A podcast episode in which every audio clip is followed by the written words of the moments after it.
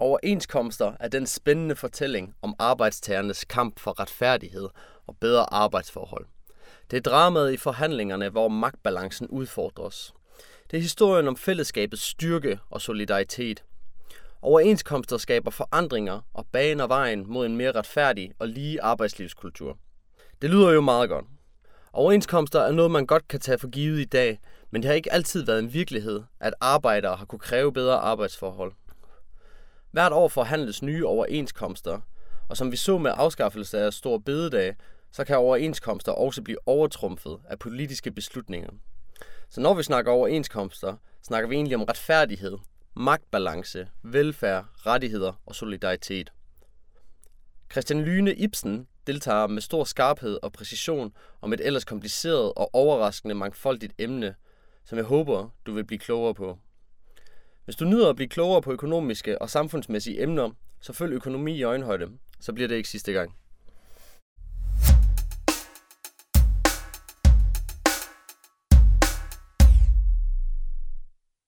Velkommen, Christian Lyne Ibsen. Vi skal i dag snakke om øh, overenskomster. Du er lektor på Københavns Universitet, hvor du øh, beskæftiger dig med overenskomster og arbejdsmarkedsrelationer. Jeg vil gerne starte med at øh, komme med min forståelse af, hvad en overenskomst er.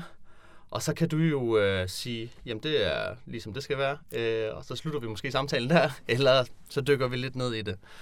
Øh, jeg tager det jo sådan meget bogstaveligt. Overenskomst. Det betyder, at man kommer overens, skråstreg, er enige om noget. Og i det her tilfælde, så er det jo så arbejdet og det rammer. Dem, der bliver enige, det er jo øh, arbejderen, som bliver repræsenteret gennem fagforeningerne, og så ellers arbejdsgiveren. Er det, øh, er det en nogenlunde definition? Ja, det lyder meget rigtigt. Okay. Man kan også sige, at det er jo en, det er jo en kontrakt, som giver nogle øh, løn- og arbejdsvilkår for den udførsel af arbejdet, som, øh, som arbejdstagerne skal, skal gøre.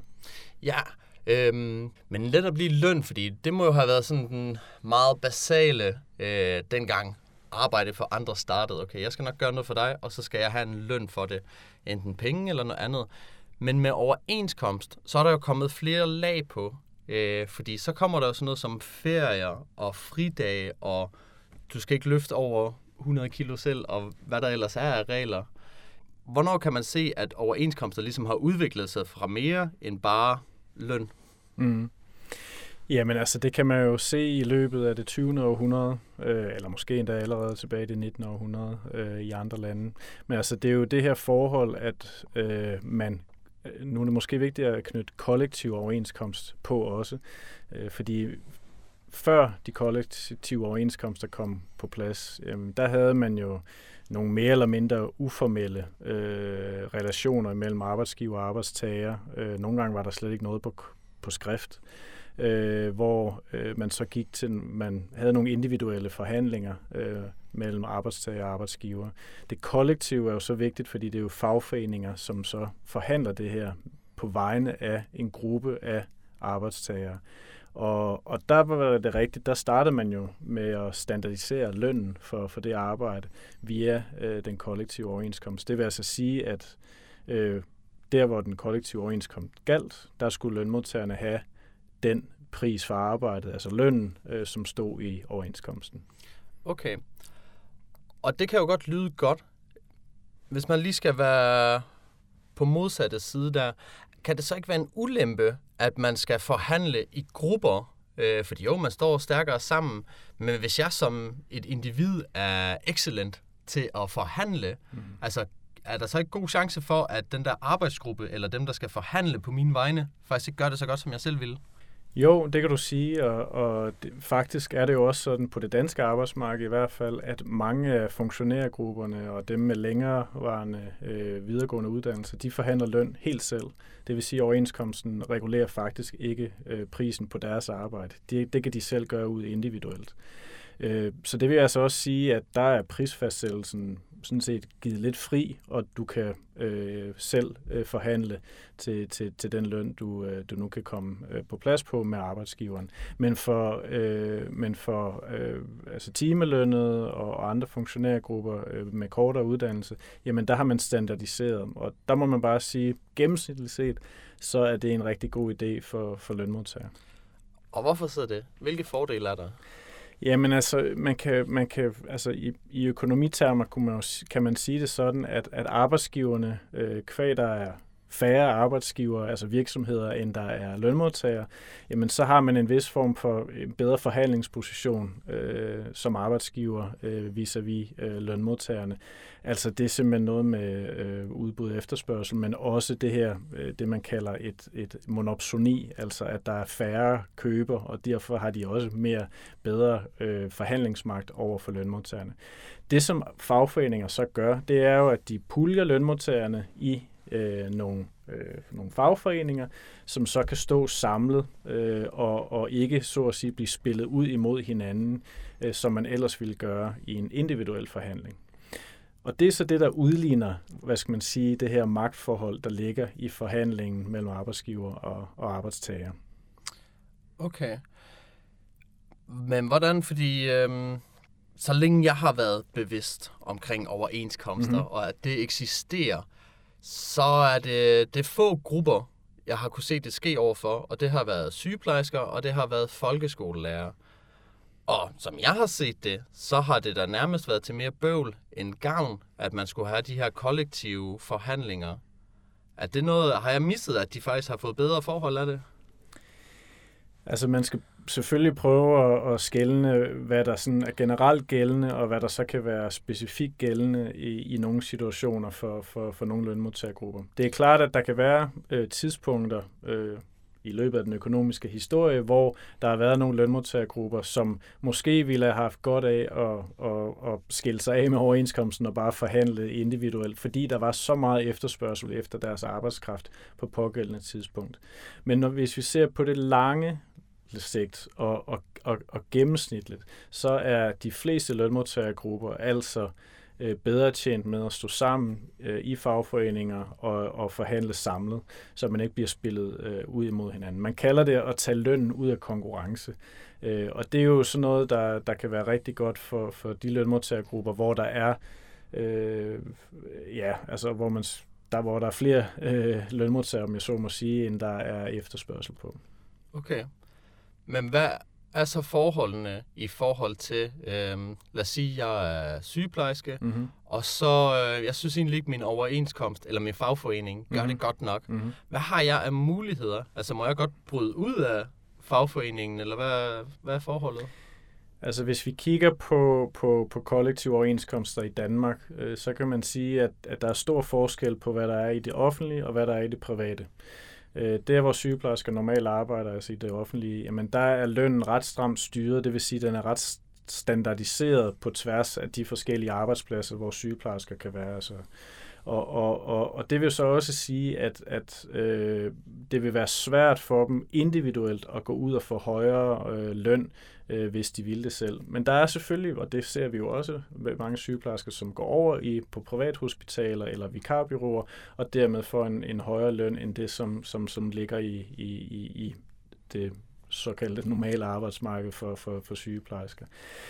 Øhm, men igen, altså hvis vi kigger på det lange sigt, altså på tværs af, af, af, af mange, mange, mange årtier, øh, så har det været en fordel øh, at stå i en overenskomst, øh, at stå i en fagforening og forhandle kollektivt. Og, og vi kan også godt se det, når vi kigger ud i, i verden og ser på, hvordan øh, løn- og arbejdsvilkår er ellers for, for de her lønmodtagergrupper. Og der må man bare sige, at, at det, at Danmark har så stærke fagforeninger, det har været til gavn for, for lønmodtagerne. Okay. Hvad sker der så? Øhm, lidt ligesom for nylig. Altså, at der så er en gruppe, der ikke synes, at deres arbejdsvilkår er rimelige, og så vil de gerne forhandle det mm-hmm. for ny. Mm-hmm. Hvad sker der i starten af sådan en proces? Jamen det er klart, at, at øh, når der er nogle lønmodtagergrupper øh, i den danske model, som, øh, som synes, at de er prissat forkert, om man så må sige, altså lønnen simpelthen er for lav, jamen så er der jo flere håndtag, man kan bruge. Øh, det ene håndtag er jo, at man siger, okay, så kunne vi godt tænke os at have mere løn lagt ud lokalt, og så må vi have noget mere lokal forhandling om, øh, om vores løn, øh, således at vi kan bruge vores, vores øh, styrkede forhandlingsposition ude lokalt til at få højere løn. Hvordan skal det forstås øh, altså i kontra mm-hmm. til national? Altså det er... Ja, øh, overenskomsterne, og, og igen må man skelne mellem det private og det offentlige, ikke? Men, men i det offentlige, der har du øh, relativt øh, centraliserede aftaler, og en meget lille del af lønnen kan forhandles ude øh, lokalt. Øh, I det private, der har man for 80% af, af det, vi kalder DA og FH, FH-området, altså det, vi lige har fået en ny øh, overenskomstaftale på det her område, hvor Dansk Arbejdsgiverforening og FH-forbundene øh, Øh, de, de forhandler, jamen der er 80% øh, af det område, det er faktisk øh, øh, der er lønfastsættelsen faktisk, den foregår ude lokalt. Øh, og så er det kun for de resterende 20 procent, det såkaldte normallønsområde, hvor vi har sådan mere centraliserede aftaler på løn. Men er det så fordi, at, at den aftale primært er baseret på private arbejdsgivere? Ja, altså på DRFA-området, det er jo private virksomheder, øh, og, og der, der, er, øh, der er en af, af pointerne, at øh, at løn skal afspejle virksomhedernes øh, økonomiske forhold. Altså, øh, hvis det går rigtig godt for virksomheden, så skal de også, så skal de, så skal fagforeninger have mulighed for at, at få højere lønstigninger. Øh, omvendt, hvis det ikke går så godt, jamen så skal der også være mulighed for at skrue ned for lønstigningerne. Og så skal der jo også være mulighed for at, at variere på tværs øh, af lønmodtagerne internt i virksomheden. Hvis man synes, at der er nogle grupper eller individer, som gør det rigtig godt, jamen så skal de også øh, kunne, kunne præmieres. Så der er meget mere fleksibilitet i lønsystemerne i det private, øh, på det private arbejdsmarked, end der er på, på det offentlige. Okay. Nu taler du jo lidt ind i øh, den danske model. Mm-hmm. Øhm, vil du ikke forklare mig det? Hvad, hvad går den egentlig ud på? Den danske model, øh, kan man sige, går ud på, at vi har øh, relativt stærke og velorganiserede organisationer, det vil sige arbejdsgiverorganisationerne og fagforeningerne, som ligesom har lavet en, en grundlov, øh, øh, hovedaftalen for øh, Øh, hvordan løn og, og arbejdsvilkår skal reguleres i Danmark. Og der gør man det primært via kollektive overenskomster. Altså der er et fravær af, af lovgivning på de her ting. Vi har ikke en lovbestemt øh, minimumsløn i, i Danmark, øh, som man for eksempel har i, i andre lande, for eksempel Tyskland. Det vil altså sige, at det er autonom regulering via de her stærke organisationer, og de har så en, en, en, en ja, reguleringsautonomi, øh, som staten så øh, lader, dem, lader dem have, fordi at de sådan set godt selv kan finde ud af det. Okay. Øh, der var jeg lige ved at spørge, men kan de det? Altså fordi netop, øh, der har jo været uenighed. Øh, og igen, øh, nu, nu, har, nu er jeg ikke fuldstændig inde i det, men det har været mit indtryk, at staten har været nødt til at blande sig et par gange de sidste, øh, jeg ved, de sidste øh, aftaler, fordi man simpelthen ikke kunne få en aftale på plads. Ja, det er klart, at, at, at for de fleste aftaleområder, der, der, får, der kan parterne jo selv øh, finde til enighed, når man skal forny overenskomsterne. Hvis vi tager det, den seneste øh, overenskomstforhandling her i, i 2023 på det private område, der fik vi jo en forlisprocent på, jeg tror det var 97 eller 98 procent. Altså, det vil sige, at 97-98 procent af lønmodtagerne på det her område, de fik fornyet deres aftale via øh, out, altså forhandlinger mellem arbejdsgiver øh, og, øh, og fagforening, øh, uden at der var konflikt, altså uden at de, at de øh, ikke kunne blive enige. De sidste 2% de blev så øh, øh, samlet op i det, vi kalder mailingsforslaget. Det vil sige, at vi har en statslig forlisinstitution, som hjælper parter, der ikke kan blive enige om at få aftaler øh, alligevel. Og så gør man det i Danmark, og det er ret specielt i Danmark, øh, at man ligesom putter det hele sammen i en afstemning. Øh, arbejdsgiverne øh, godkender eller forkaster det der meldingsforslag, øh, hvor alle forligene indgår, men også de, øh, de sidste 2%, de kommer også med i et, i, i, i et meldingsforslag. Og de bliver så, øh, arbejdsgiverne i en kompetent forsamling siger ja eller nej til det, de siger typisk ja, og så stemmer øh, lønmodtagerne individuelt øh, på den anden side om øh, det her øh, resultat. Øh, og der fik vi jo så en, en, en ret høj øh, øh, ja, ja-procent den her gang, øh, som så gjorde, at vi fik fornyet overenskomsterne. Hvis de ikke siger ja, og nu kommer vi til statens eller politikernes rolle. Hvis de ikke siger ja til det her, så kommer der jo konflikt, så kommer der stor konflikt på det private arbejdsmarked, Øh, og den kan jo så øh, ja, altså gå så langt øh, indtil, at øh, parterne bliver enige. Men det, der typisk sker i Danmark, det er, at staten, altså regeringen og Folketinget, øh, går ind og laver et såkaldt lovindgreb. Altså de siger simpelthen, nu er situationen så alvorlig, øh, for samfundsøkonomien, at vi bliver nødt til at gribe ind og stoppe konflikten. Og så laver man ved lov en fornyelse af overenskomsterne, og det er typisk det, som ligger i det her mailingsforslag, jeg omtalte. Okay. Øhm, tager staten så det der mailingsforslag øh, og, og kigger på det, okay, det her, det kunne de blive enige om, mm-hmm. det her var de ikke så enige om. Hvad kan vi ændre for at prøve at tilgodese så mange parter som muligt? Ja, altså der, der er øh, forskellige meninger om, hvor langt, øh, hvor langt politikerne kan gå. Altså den konvention er, at politikerne ikke selv skal gå ind og definere noget øh, i, i, øh, i, i at løse den her tvist, øh, fordi så kan man begynde at spekulere i at få en konflikt, som politikerne så kan gå ind og, hvor de kan gå ind og, og til gode se den ene eller den anden part. Men altså historisk set har der været nogle små justeringer øh, i det her i det her lovindgreb, øh, som gør, at, at, at, at det, det er ikke en til en det, der står i mailingsforslaget. Det kunne være for eksempel sådan noget som øh, ja, øh, mere ferie, øh, i, og det så vi øh, sidst, der var stor konflikt i, i, øh, i 1998, da den nye regering øh, greb ind. Okay.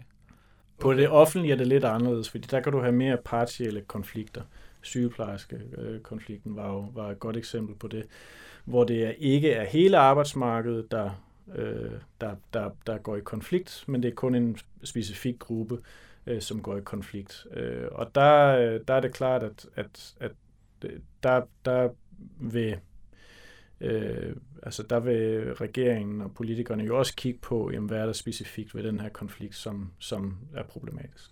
Okay. Men jeg synes også, vi skal hoppe ned i lidt forskellige cases, men lad os lige blive ved den danske model, øh, for lige at blive lidt klogere på den. Fordi en af betingelserne ved den, eller noget, der udgjorde den danske model, det var det her med, at staten ikke måtte blande sig. Det var rigtigt nok. Hvad er der ligesom ellers i den danske model, der gør, at, at den er god at bruge? Mm-hmm. Jamen for at blive ved det her nuværende eksempel med OK23. Øhm, et af, et af, hvad skal man sige, e, et af kong, øh, kongstankerne øh, i den danske model er jo, at parterne rent faktisk godt kan blive enige og, og, og, og indgå nogle aftaler, som, er, øh, som bliver respekteret, som bliver overholdt ude på arbejdsmarkedet. Altså det er ikke det, man på engelsk kalder dead letters, altså øh, ting, som øh, ser fint ud på skrift, men overhovedet ikke har nogen relevans ude i, i den virkelige verden. De her aftaler bliver rent faktisk øh, implementeret og overholdt øh, ude på, på arbejdspladserne. Hvis vi kigger bare øh, øh, lidt nord mod Norge, jamen så har der været konflikt den her gang. Øh, og det har der jo været, fordi at vi er kommet i en høj inflationstid, øh, og øh, derfor er lønkravene også bare blevet desto højere, fordi at, at lønmodtagerne og fagforeningerne gerne vil forsvare realløn, altså hvad man rent faktisk kan gå ud og købe for, for sine lønkroner. Det har ført til konflikt øh, i Norge. Øh, der har også været konflikt i Tyskland. Der har også været konflikt i Sverige. Hvad vil det så sige? Jamen det vil sige, at de lande, som vi normalt sammenligner os med, som er, ligger meget tæt på os, både i, i sådan institutionelt, men også i politisk øh, kultur og, og fagforeningsstyrke osv., jamen de er ikke formået at, at blive enige øh, på den samme måde, som, som man gjorde i Danmark. Øhm, det er jo sådan en af de der sådan anekdotiske beviser for, at, at der er en høj øh, forlis øh, evne og, og villighed i, i Danmark, det man også kalder konsensusbaseret øh, politik. Øh, og, og det er noget af det, som den danske model også har været kendetegnende ved, i hvert fald siden ja, øh, slut 80'erne, start 90'erne. Okay, men er der mere, man tager med? Altså lad os sige, at øh, man er i Italien. Mm-hmm. Vi vil gerne implementere den danske model. Mm-hmm. Øh, og så snakker de om, okay, jamen, hvad betyder det? Jamen det betyder, at vi skal blive enige om tingene, mm-hmm. øh, fordi staten skal helst ikke blande sig. Mm-hmm. Men er der andet, man ligesom tager med ved at bruge den model? Jamen altså, det er jo klart, at, at øh, der er jo nogle arbejdsdelinger, øh, som du også selv er inde på, i forhold til, hvad, hvad gør staten, og hvad gør, og hvad gør arbejdsmarkedets parter. Og hvis arbejdsmarkedets parter ligesom skal løfte en stor del, så skal de jo have kapacitet til det. De skal have, de skal have en, en, en, en infrastruktur, økonomi, ansatte til at implementere øh, og øh, overholde aftalerne derude. Noget af det, som er, kan være... Øh, kan være øh, svært at efterligne for andre lande, det er jo den her høje organisationsgrad. Altså at der er mange medlemmer, øh, både på arbejdsgivers øh, og lønmodtagers side. Hvis der ikke er den forudsætning i, i et land, jamen så kan det være meget svært at, at få den her form for, for aftaleregulering, som, som vi har i Danmark. Andre europæiske lande har, har faktisk ret høj overenskomstdækning, nogle gange også højere end Danmark. Men det de gør, det er, at de via staten udvider øh, af dækningen af overenskomsterne ved lov. Det, man kalder øh, erga omnes øh, øh, klausuler. Det har man også diskuteret i Danmark, men i Danmark har man bibeholdt det her frivillighedsprincip, øh, som går på, at der er kun overenskomstdækning, hvis parterne frivilligt indgår en overenskomst. Øh, og og, og, og der, der, der vil man ikke have staten ind og, og blande sig i det her med dækning. Hvorfor tror du, det er sådan? Fordi i Danmark er vi da relativt glade for staten, og har også en relativt mhm. velfungerende, mm. og vi mm. stoler på staten. Ja. Så hvorfor, hvorfor vil man egentlig ikke lade den med komme ind i forhandlingerne? Ja, men det er også en, øh, du kan også sige, det er lidt en anomali i, i sådan dansk politisk økonomi, økonomi i det hele taget. Øh, men det er, øh, jeg vil sige, historisk bestemt. Vi ser det i øh, faktisk Sverige også, men også i, øh, i, i Italien. Altså, øh, på en eller anden måde en, en, en tradition, en, nogle institutioner, som er kommet på plads relativt tidligt øh, i det 20. århundrede, øh, som har gjort, at staten har accepteret, at man har delegeret det her reguleringsansvar til arbejdsmarkedets parter. Øh, helt specifikt i Danmark, øh, der havde vi en, en, en stor diskussion om det øh, i, i, i starten af det 20. århundrede omkring det såkaldte øh, Karl Ussing-udvalg. Karl Ussing var en advokat, som skulle ligesom finde ud af, jamen, hvordan kan vi få, hvordan kan vi institutionalisere altså det her arbejdsgiver-arbejdstagerforhold på en god måde, således at, at, at de selv kan få lov til at regulere, men at vi har en sikkerhed for, at de kan finde ud af det, og at det ikke fører til en masse konflikter. Og Karl Using-udvalget kom som af den her kongstanke, at hvis de to samfundsøkonomiske klasser, det vil sige kapital og arbejder, hvis de ligesom kunne finde ud af tingene selv, så skulle staten holde sig ude af det. Så det staten skulle gøre, statens rolle var at facilitere den her, den her øh, konsensusprægede forhandling, Øh, og der fik man for eksempel, for eksempel den her forlisinstitution, jeg, jeg snakkede om før. Altså en institution, som kan virke øh, altså sådan lidt, lidt perifær øh, og, og, og gammeldags, men faktisk hver evig eneste gang, vi har overenskomstforhandlinger, spiller den rolle, at, at, at den, den sørger for, at alle ligesom kommer i mål. Og på det private arbejdsmarked har den ydermere den her beføjelse om, at den kan samle alle områderne, øh, Øh, og det skaber altså en stor koordination på, på, på, på, i forhandlingerne. Det vil sige, at der er ikke nogen, der er ikke nogen områder, der bliver efterladt på perronen. Alle får, får fornyet deres aftaler, øh, og, og det er en stor forskel fra, fra mange andre øh, lande, øh, hvor øh, man ser sådan, ja, det man kunne kalde en todeling af arbejdsmarkedet. Altså der er nogen, der har overenskomster, og der er nogen, der ikke har. Øh, og, og det skaber nogle ubalancer, som til sidst kan få staten til at, at gå ind og regulere. Tyskland er det bedste eksempel på det her. Tyskland havde en meget autonom aftalemodel øh, før i tiden, øh, ligesom Danmark og Sverige. Altså mellem arbejdsgiver og arbejdstager? Mellem arbejdsgiver og arbejdstager, og, og reguleringsautonomien var utrolig høj i Tyskland.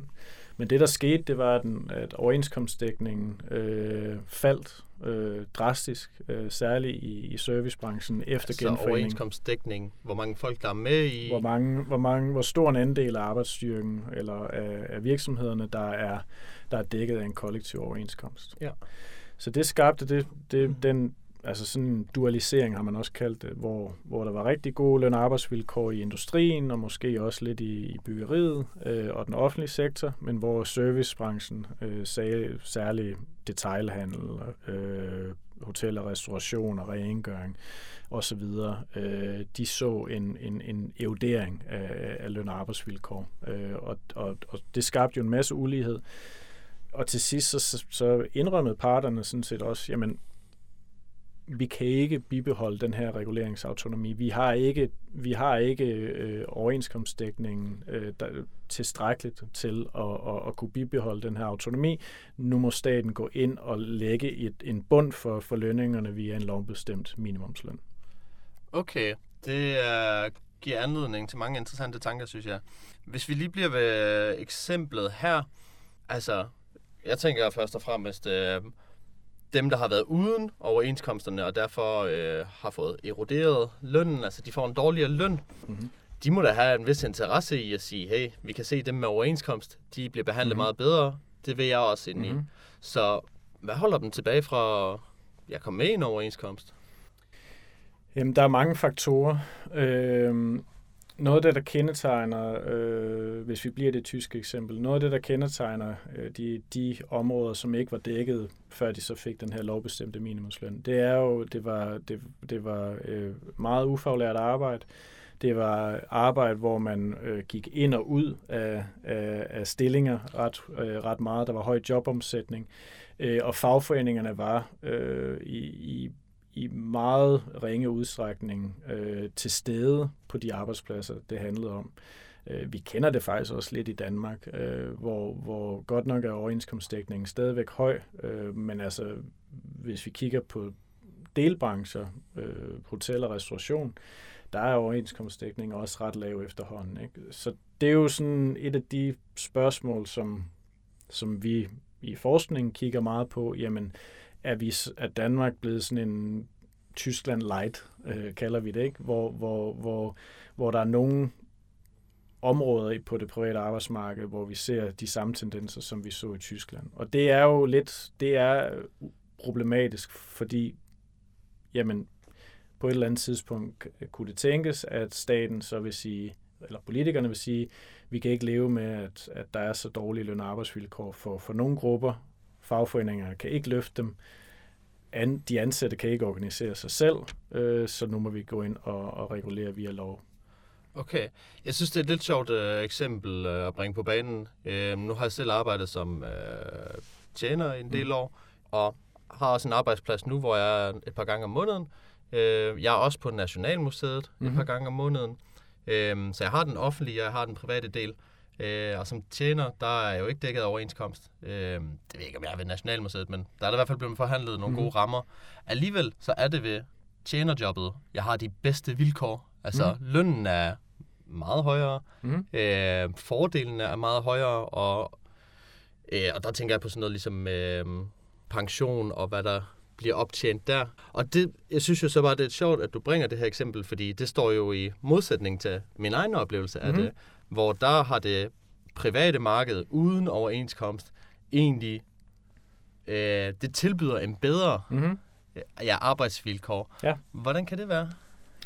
Jamen det er jo øh, altså netop det her med, at når det ikke er standardiseret via en kollektiv overenskomst, så er der jo netop mulighed for at differentiere øh, og differentiere i forhold til, hvad virksomheden, hvordan den klarer sig, men også øh, hvilken øh, arbejdskraftssituation de er i.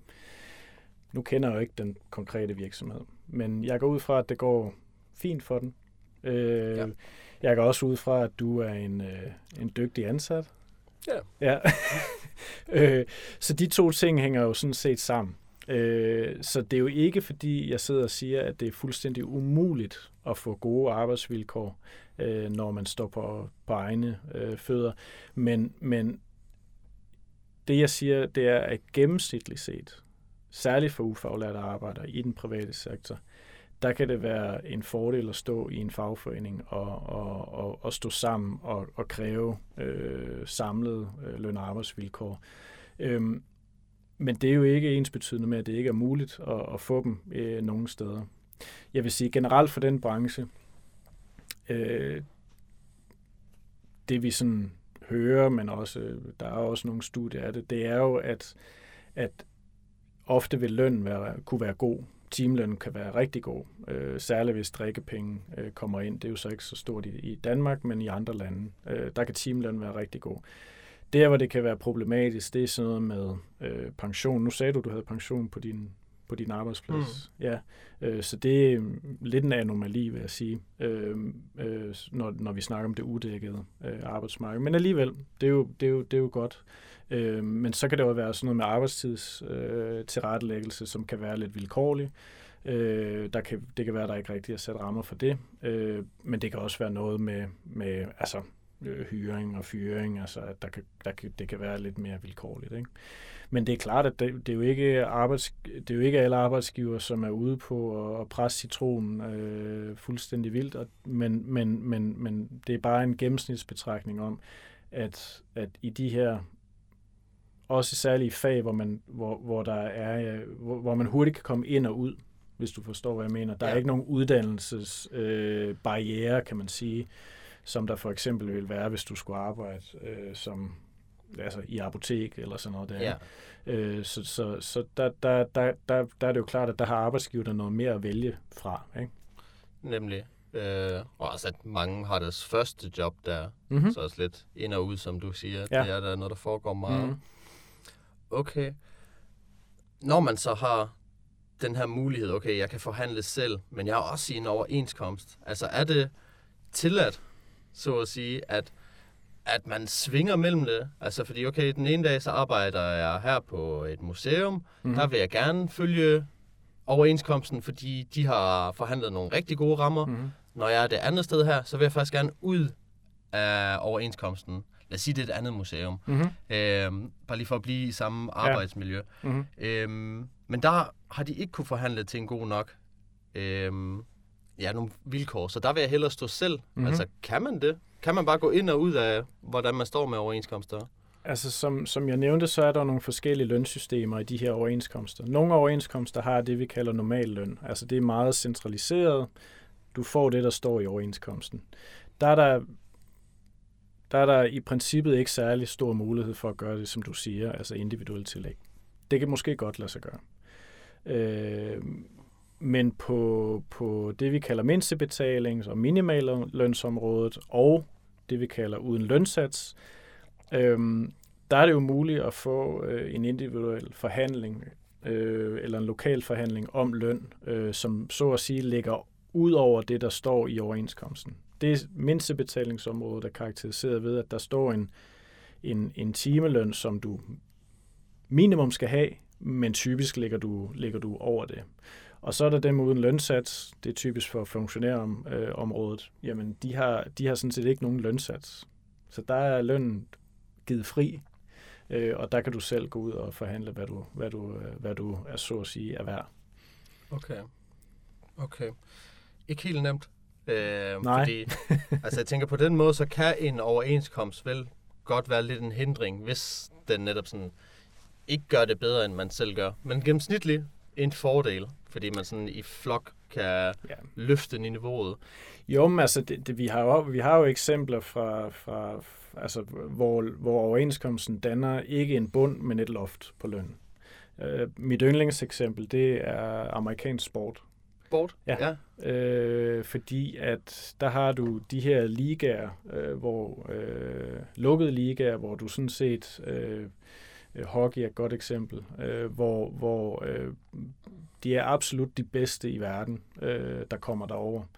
Og det er stjerner, der kommer derover, og de vil i princippet kunne altså få nogle fantastiske kontrakter. Mm, og der har arbejdsgiverne sagt, jamen vi skal have en øh, vi skal have et loft på lønningerne, fordi ellers så øh, altså driver altså driver vi lønning, lønningerne så højt op, at vi faktisk øh, ikke altså kollektivt set kan, kan holde til det. Og, og der, der, der, der, har man, der fungerer de her overenskomster nærmest som et loft. Så kan stjernerne så gå ud og få individuelle øh, sponsorships og alt muligt andet og tjene deres, øh, deres penge på, på den vis. Men der er det jo et loft, og det er jo det der, altså når, når lønmodtagere bliver stjerner, øh, at, at arbejdsgiverne virkelig har en interesse i at, at lægge loft på. Sammenlign det med europæisk fodbold. Ingen kollektive overenskomster på det, i hvert fald ikke øh, på europæisk plan, som, som ligesom kunne se, lægge loft på det. Lønningerne er eksploderet i de fleste ligaer, og den eneste måde, det kan være finansielt holdbart, det er jo øh, øh, ved, at der er nogle ejere, som ligesom har et stort nok pengepunkt til og, og lægge, lægge penge ud, hvis, hvis, øh, hvis forretningen ellers ikke øh, kører rigtigt. Og det, så det, nu har vi så haft hele det her med financial fair play og sådan noget der.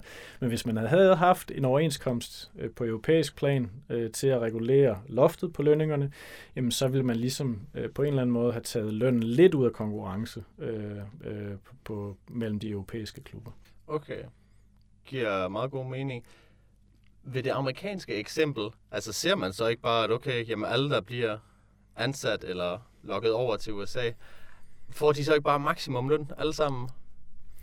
Det ved jeg faktisk ikke. De får, gode, sagt, de, de, får, de får gode lønninger, det, det er helt sikkert. Øh, men, men, men pointen, øh, altså pointen er jo, øh, jo, det er selvfølgelig at standardisere lønnen, men, men, men, men det er også det der med, at, at, at du ikke, altså, at, at du ikke udkonkurrerer øh, dig selv og, og, og dine konkurrenter på løn. Altså at man, man, får sat en, man får sat et loft på de her lønudgifter øh, via overenskomsten. Okay, så det kan faktisk på en måde gå begge veje. Altså det kan skabe en bund, og det kan skabe et loft. Præcis. Hvor der vil jeg mere sige, øh, bunden, det er så for arbejdstageren, så de har sikret en, nogle minimum gode vilkår, mm-hmm. mens loftet, det er faktisk er mere for branchen som helhed, at man sørger for, at den ikke øh, ja, får for meget gas, og der derfor er nogle organisationer, der ikke kan følge med, ja. og så bliver de nødt til at ja, komme ud af spillet. Ja, ja. Altså en anden, en anden sammenligning mellem Danmark og USA, øh, hvis du kigger på højt uddannet arbejdskraft i, i, øh, i de to lande, så er der det, man, man, man kalder det skills premium, altså uddannelsespræmien. Øh, og, og den kan man jo regne ud, altså hvor meget giver det ekstra i løn at uddanne sig et år ekstra øh, på universitetet for eksempel. Og der er den utrolig høj i, i USA, fordi du ikke du har en markedsbestemt øh, øh, ja, øh, lønfastsættelse. Den er givet fri, og derfor kan de her stjernemedarbejdere øh, forhandle sig frem til rigtig gode øh, løn- og arbejdsvilkår. Øh, I Danmark, selvom vi har de her uden lønsatser, så er det som om, at, at, at, at den danske lønfastsættelse alligevel bliver sådan lidt mere komprimeret. Dels via, at man løfter minimumslønningerne via overenskomsterne, men også for eksempel via øh, overenskomsterne i for eksempel staten og, og kommuner og regioner for øh, akademikere og arbejdere. At det er som om, det sådan ligesom presser, presser tingene lidt, lidt sammen. Ikke? Øh, og, og, og derfor har vi en mindre skills premium eller uddannelsespræmie, øh, end de har i USA. Øh, så øh, det er, det, er, det er nogle institutionelle forskelle i, hvordan man regulerer løn- og arbejdsvilkår, som selvfølgelig øh, øh, har nogle, har nogle, sådan nogle makroøkonomiske øh, effekter. Det er jo det her med, med ulighed for eksempel, at på, på løn, jamen der er uligheden bare mindre i Danmark, fordi man, man har den her komprimerede struktur, øh, lønstruktur. Ja, og man ikke har for mange, der har fået for store præmier som vil kunne vise sig i sådan en statistik? Ja, altså du har den her kombination af et højt et højt øh, loft, øh, undskyld, et høj, en høj bund øh, og et lidt lavere loft. Ikke? Øh, og, og, og, og det er da klart, at der er masser af, af, af lønmodtagere i Danmark, som tjener rigtig godt. Altså det, det, jeg, det, det, jeg siger ikke, at, at, at det ikke er muligt. Jeg siger bare, at øh, gennemsnitsbetragtning er, er, at du har den her lidt mere komprimerede lønstruktur. Okay. Hvis vi sådan ser på Danmark og den udvikling, der er sket inden for overenskomster, er der sket noget nyt sådan de sidste 20-30 år?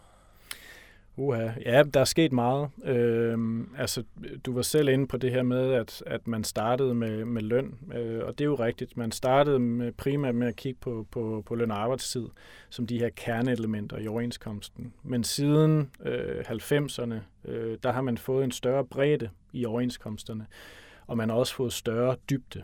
Øh, hvis vi starter med bredden. Bredden handler om, at der er flere og flere temaer, der er kommet ind i overenskomsterne øh, Øh, pension, arbejdsmarkedspensionerne kom ind i, i 90'erne. Øh, vi har fået øh, uddan eller kompetenceudviklingsfonde, så det vil sige penge til at, at gå på selvvalgt uddannelse. Vi har fået øh, barselsfonde, øh, så man kan få betalt øh, barselsårlov. Vi har fået det, man kalder fritvalgslønkontoen, øh, eller fritvalgskontoen, som er den her konto, hvor der bliver sat penge ind hvert år, øh, øh, som du så kan bruge til forskellige faser af dit liv, øh, til for eksempel at, at holde fri med dine børn, eller gå på nedsat tid, når du er senior, eller du kan også bare få det udbetalt som løn. Øh, alle de her ting øh, er, er kommet ind i overenskomsten de sidste ja, 20-30 år, øh, og, og fylder nu rigtig meget øh, af, af, af det, man kan kalde den samlede økonomi i overenskomsterne. Hvis, vi, hvis vi går til dybden, ja. så handler det om øh, de her lønsystemer, men også arbejdstid og, og, og, og altså at, at virksomhederne, øh, arbejdspladserne lokalt kan, kan tilpasse sig deres specifikke situation, således at man går fra i stedet for overenskomsten lavet sådan en helt standardiseret lønbestemmelse, øh, øh, så siger man, nej, det er kun et, et, et minimum, og, og, og så er der en, en årlig lønforhandling øh, for, for øh, hvad den faktiske løn skal være. Det samme med arbejdstid. Det 37 timer arbejdsuge er en gennemsnitsbetragtning, øh, men det kan variere øh, og, og lokalt tilpasses øh, øh, i en lokal forhandling. Okay. Det lyder jo som bonus på bonus på bonus. Hvilket er meget dejligt for arbejdstageren. Mm-hmm. Men er det ren øh, ulempe for arbejdsgiveren? Fordi det lyder som, okay, jeg skal ja. betale din ferie, jeg skal mm-hmm. betale din barsel, du er ham mindre, altså du producerer mindre, og så videre, og du skal have mere i løn end mm-hmm. der også. Altså, er det bare ærgerligt for arbejdsgiveren, at overenskomsterne er blevet så stærke? Øhm, altså, øh, jamen altså to ting. Det ene er jo det her med, at hvis, hvis man skal have en, en højt betalt og, og, og, øh, og hvad skal man kalde det, øh, øh, godt behandlet arbejds, øh, arbejdsstyrke, som vi jo har i Danmark, jamen så skal de lønmodtagere og, og ansatte også være højproduktive. Øhm, så det vil jo så sige, at som arbejdsgiver, øh, så skal du sørge for, at, øh, at, at, at arbejdet er efficient, det er godt tilrettelagt, det er godt organiseret. Man skal investere i, i, i teknologi og maskiner, øh, hvis det, øh, som gør, at, at, at medarbejderne er højproduktive. Og der må man jo bare sige, at, at der har jo lang tid været den her diskussion om, nå, jamen, hvis vi havde for meget lighed, eller hvis vi betaler arbejdskraften for meget, så vil det være dårligt for virksomhederne. Men det er man jo sådan set, altså erfaringerne øh, øh, fra 90'erne og 0'erne og frem efter har jo sådan set vist, at det er muligt at, at, at, at aflønne og behandle sine medarbejdere godt og stadigvæk være, være konkurrencedygtig og, og, og profitabelt. Altså dansk økonomi klarer det rigtig godt. Noget af det handler jo også om, at, at, øh, at, at de her øh, udgifter øh, eller omkost, arbejdskraftsomkostninger øh, jo ikke er de eneste omkostninger, en virksomhed har. Og, og for i særlig industrien har det jo meget handlet om, at man, at man sådan set har gjort den her arbejdskraftsomkostning til en mindre og mindre del ved at investere i, i maskiner og teknologi. Altså man, man, øh, man, man er i mindre øh, grad afhængig af det, man kan kalde arbejdskraftsintensiv produktion. Øh, det bedste eksempel var, var tekstilindustrien, som er meget arbejdskraftsintensiv. Den, den, den flyttede ud, altså den flyttede til andre lande øh, i 90'erne. Øh, det, det, var, det var, altså, så vidt jeg ved, var det, var det simpelthen ikke rentabelt at beholde produktionen i Danmark. Så det flyttede man ud til, til andre lande, øh, og, og så havde man de mere højproduktive øh, jobs her, som man så også kan aflønne bedre.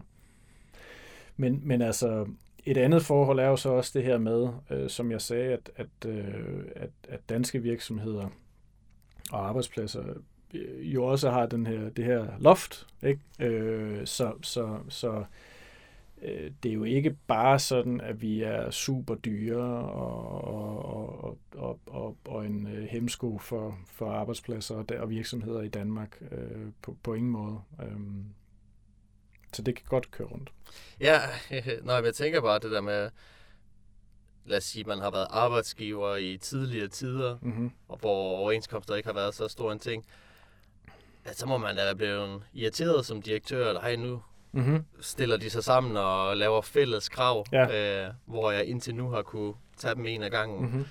Øhm. Ja, men lige, lige netop det der, altså der er jo der, der er også noget, der taler for, øh, at, at, at det faktisk kan være en fordel for virksomheder ikke at skulle køre alle de der individuelle forhandlinger. Øh, altså at man ved at have en overenskomst, ved at have den her, det her, hele det her system til at håndtere konflikter og implementering af aftaler, jamen der, der fritager du også virksomhederne og lederne for en masse arbejde, altså en masse transaktionsomkostninger. Hver evig eneste gang, du skal lave en individuel forhandling, der skal du sidde og bruge tid på det. Du skal forhandle. Det kan være, at du ikke rammer rigtigt øh, som, som virksomhedsleder eller, eller manager. Øh, og så er det sådan set også en omkostning, en, en transaktionsomkostning, som, som, øh, som kan være dyr for virksomheden. Måske lidt mere skjult, men alligevel en, en dyr ting. Og der må man bare sige, at, at øh, alle de omkostninger, altså hvis vi nu tager over til USA, jamen alle de omkostninger, det er jo sådan set læsset over på virksomhederne, øh, i fraværet af kollektive overenskomster. Så, så altså, der vil være nogle trade-offs ved den ene eller den anden model for virksomhederne. Øh, der er også noget stiafhængighed, forstået på den måde, at når man nu er inde i den her måde at gøre tingene på, så er man vant til det. Man har ligesom indrettet sin virksomhed efter det. Så hvis man skulle til at gøre noget helt andet, øh, så vil det også øh, give en masse over transaktionsomkostningerne for virksomhederne, som, som vil gøre det øh, dyrere, i hvert fald på kort til mellem lang sigt, øh, for, for virksomhederne at drive virksomheder. Okay. Jamen apropos og lige ryste øh, mm-hmm. stigen, eller i hvert fald øh, gøre noget lidt usædvanligt. Vi har jo det her med, at øh, store bededag, det skal afskaffes. Og det har fagforeninger jo været ret irriteret over. Hvorfor det? Altså, hvad er det, den her afskaffelse af store bededag gør? Ved, mm. Det må jo så være den danske model, der er under angreb. Jamen, altså, man kan vel se det på to måder. Øh, det ene er sådan et, et mat, materielt synspunkt, øh, og, og det andet er sådan mere et, et principielt synspunkt. Det materielle synspunkt er jo, at der er blevet taget en fridag uden, uden sådan behørig øh, kompensation. Altså at, at det, det, det vil være noget, man i overenskomstmæssig forstand, hvis nu arbejdsgiverne ville tage en fridag, så skulle så skulle øh, lønmodtagerne blive betalt af det, kompenseret på en eller anden måde i en forhandling. Her har det jo så været sådan, at, øh, at, at øh, regeringen har sagt, at vi tager den der øh, fridag væk, øh, og, og selvfølgelig får man løn øh, når man arbejder, men, men, øh, men, i, men der skulle ikke være nogen anden, anden form for kompensation øh, end, end det. Øh, øh mere, altså helt specifikt, så der jo, har, har der tidligere været mulighed for at arbejde på store bededag, men så fik man nogle ekstra tillæg ud over den normale løn. Det, er jo, det får man jo så heller ikke. Så det er sådan nogle materielle ting. Det mere principielle, det er jo det der med, at, øh, at den danske model, som vi snakker om, baserer sig på den her reguleringsautonomi, altså det er parterne selv, der regulerer løn og arbejdsvilkår via overenskomsterne, og regeringen holder sig ude af det. Og der må man bare sige, at, at, at særligt fagbevægelsen, men egentlig også øh, arbejdsgiverforeningerne, øh, synes jo, at det her øh, med stor bededag var et, et, et indgreb i den autonomi, Øh, altså det kan godt være, at arbejdsgiverne synes, det var fint at få en ekstra fridag, men de kan også godt se, at, at hvis man ligesom åbner op for at politikerne fra tid til anden, når de får gode idéer, kan gå ind og, og, og lave sådan nogle ting der via lovgivning, jamen så vil det på sigt øh, underminere den her reguleringsautonomi. Okay. Så lige for at lege øh, advokat for øh, regeringen, Mm-hmm. fordi øh, som jeg lige har opfattet det her fra vores samtale, altså det er jo når parterne, arbejdsgiver, arbejdstager, øh, ikke kan komme frem til, eller når de forhandler, Mm-hmm. så skal staten ikke blande sig, øh, Mhm. medmindre det jo så bliver Mhm. helt nødvendigt. Øhm, og nøglehovedet er her så, når de forhandler. Mm-hmm. Med det her afskaffelse af store bededag, altså der har jo ikke været nogen forhandling. Det er jo bare staten, der laver Mhm. et politisk move. Så på den måde kan man vel godt sige, at de egentlig ikke piller ved den danske model. De laver bare politik. Fordi Mhm. de, de har jo ikke noget med fagforeningerne eller arbejderne øh, fælles øh, aftaler at gøre. Men de tager bare over en bred kamp. Bum, Mhm. sådan er det for hele Danmark. Mm-hmm. Så det er vel ikke et angreb på den danske model som sådan? Øhm, jamen det kan du altså godt sige. Altså det, det er klart at, at øh, altså intet over Folketinget, ikke? Så, så det er klart at, at, at, at lovgiver kan jo til hver tid.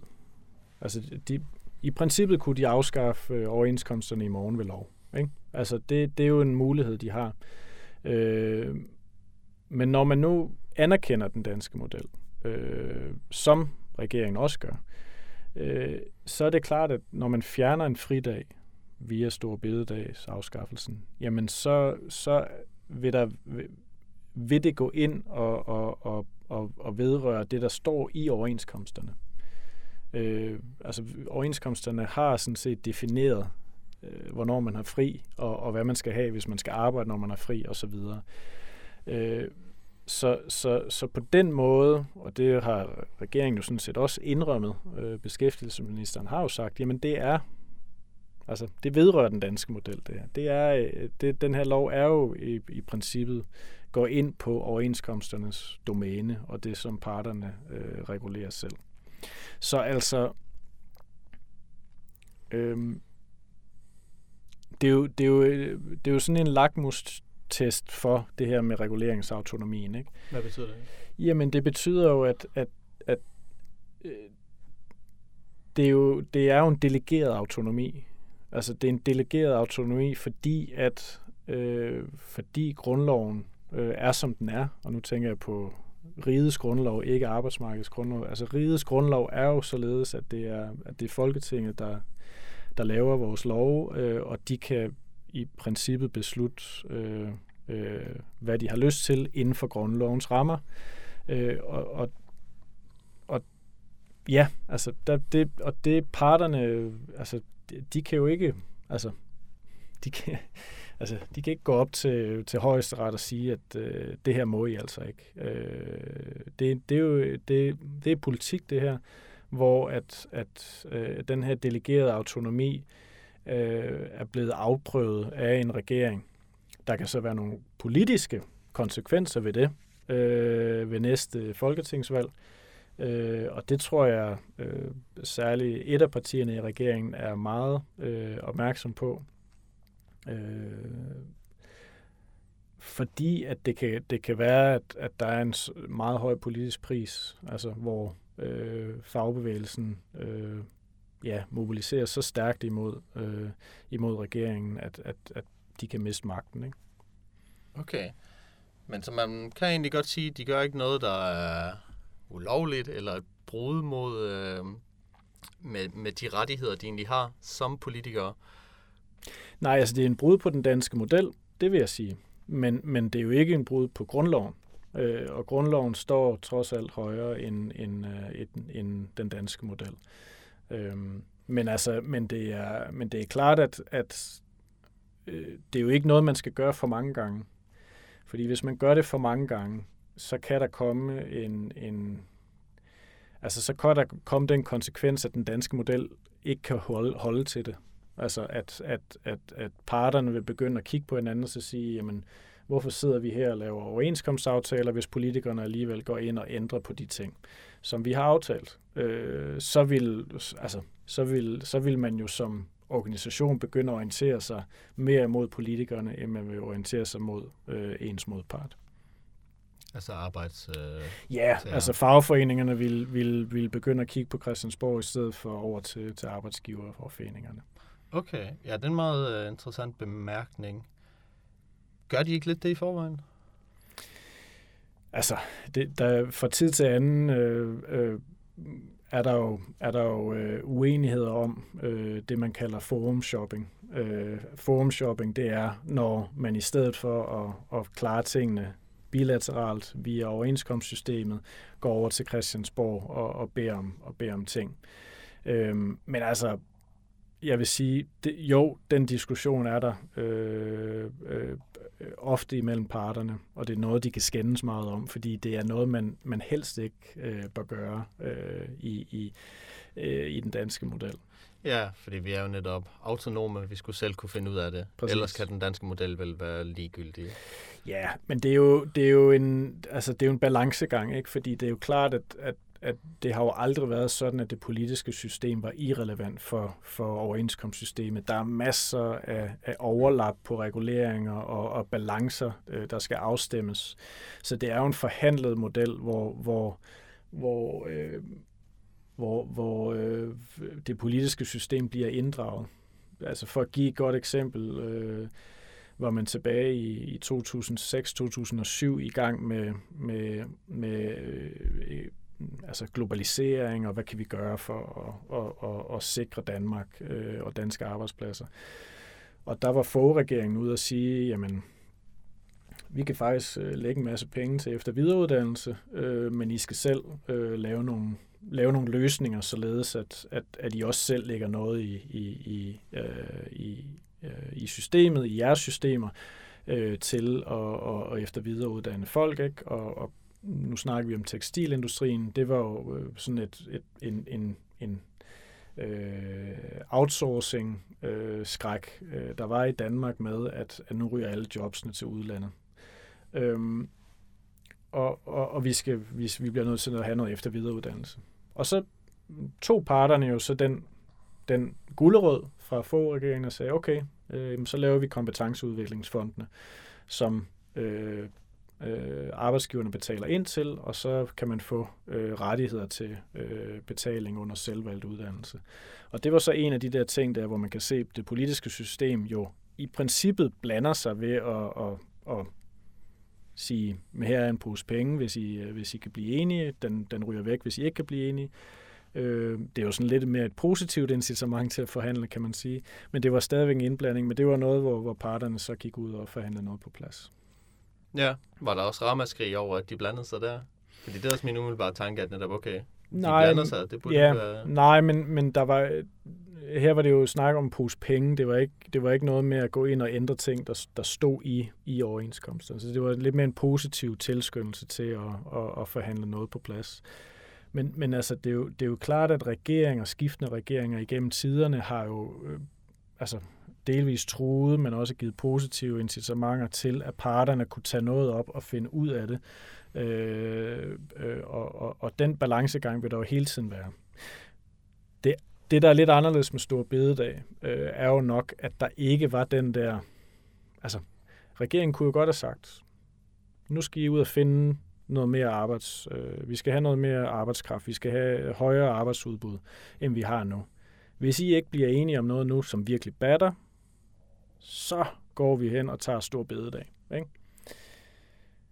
Øh, det gjorde de ikke. Øhm, øh, så, så den der manglende forhandling, der kunne have været nogle tre, trepartsdrøftelser eller et eller andet, som, som måske kunne have ført til det samme resultat, det er også det, som lidt gør ondt på parterne, tror jeg. Ja, må ikke. Okay. Lad os slutte af med, øhm, hvis du sådan ser fremtiden for overenskomster, og lad os bare snakke sådan mellem 20 til 50 år. Mm-hmm. Altså, hvad, hvilken udvikling kunne du forestille dig, der sker? Jamen, jeg tror, en af de, de, de største udfordringer, noget som de selvfølgelig øh, bliver nødt til at tage, tage, tage hånd om, øh, det er den teknologiske udvikling. Altså øh, digitalisering, øh, AI, algoritmisk ledelse, alle de her ting, som, som øh, vi selvfølgelig ikke rigtig ved hvad, helt præcis, hvad konsekvenserne vil blive, vi, vi tror bare, at, at der vil dels komme til at blive en, en altså, der vil være nogle jobtyper, som simpelthen forsvinder, øh, og, og så vil der være nogle, øh, så vil der være nogle, nogle ledelsesmetoder, øh, som også vil ændre sig. Og sætte nogle rammer via overenskomsterne for det, øh, tror jeg bliver, tror jeg bliver øh, rigtig vigtigt. Øhm, og det vil, altså, den store udfordring er jo så også, at nogle af de virksomheder, så baserer sig på den nye teknologi, ikke, øh, ikke nødvendigvis har en overenskomstrelation lige nu. Øh, så det vil være noget mere at gå ud og overenskomstdække øh, den type virksomheder. Spørgsmålet er også, hvor mange medarbejdere, der overhovedet vil være i, de, i de, den type virksomheder. Ikke? Og så ligger der jo det der med efter videreuddannelse, altså at sørge for, at, at øh, de mennesker, som bliver berørt af teknologisk forandring, at de også kan komme, altså simpelthen kan skifte spor øh, over i noget helt andet. Øh, så det vil sige ikke bare et, et kort kursus på øh, en uge, men, men måske noget, noget mere længerevarende. Okay. Bliver det også øh, en forhandling omkring det her med, hvis vi skal have fire dages arbejdsuge? Mm-hmm. Fordi det er vel også en trend, der begynder at fylde mere, at folk egentlig gerne vil arbejde mindre. Også ja. fordi det bliver muligt på grund af teknologien.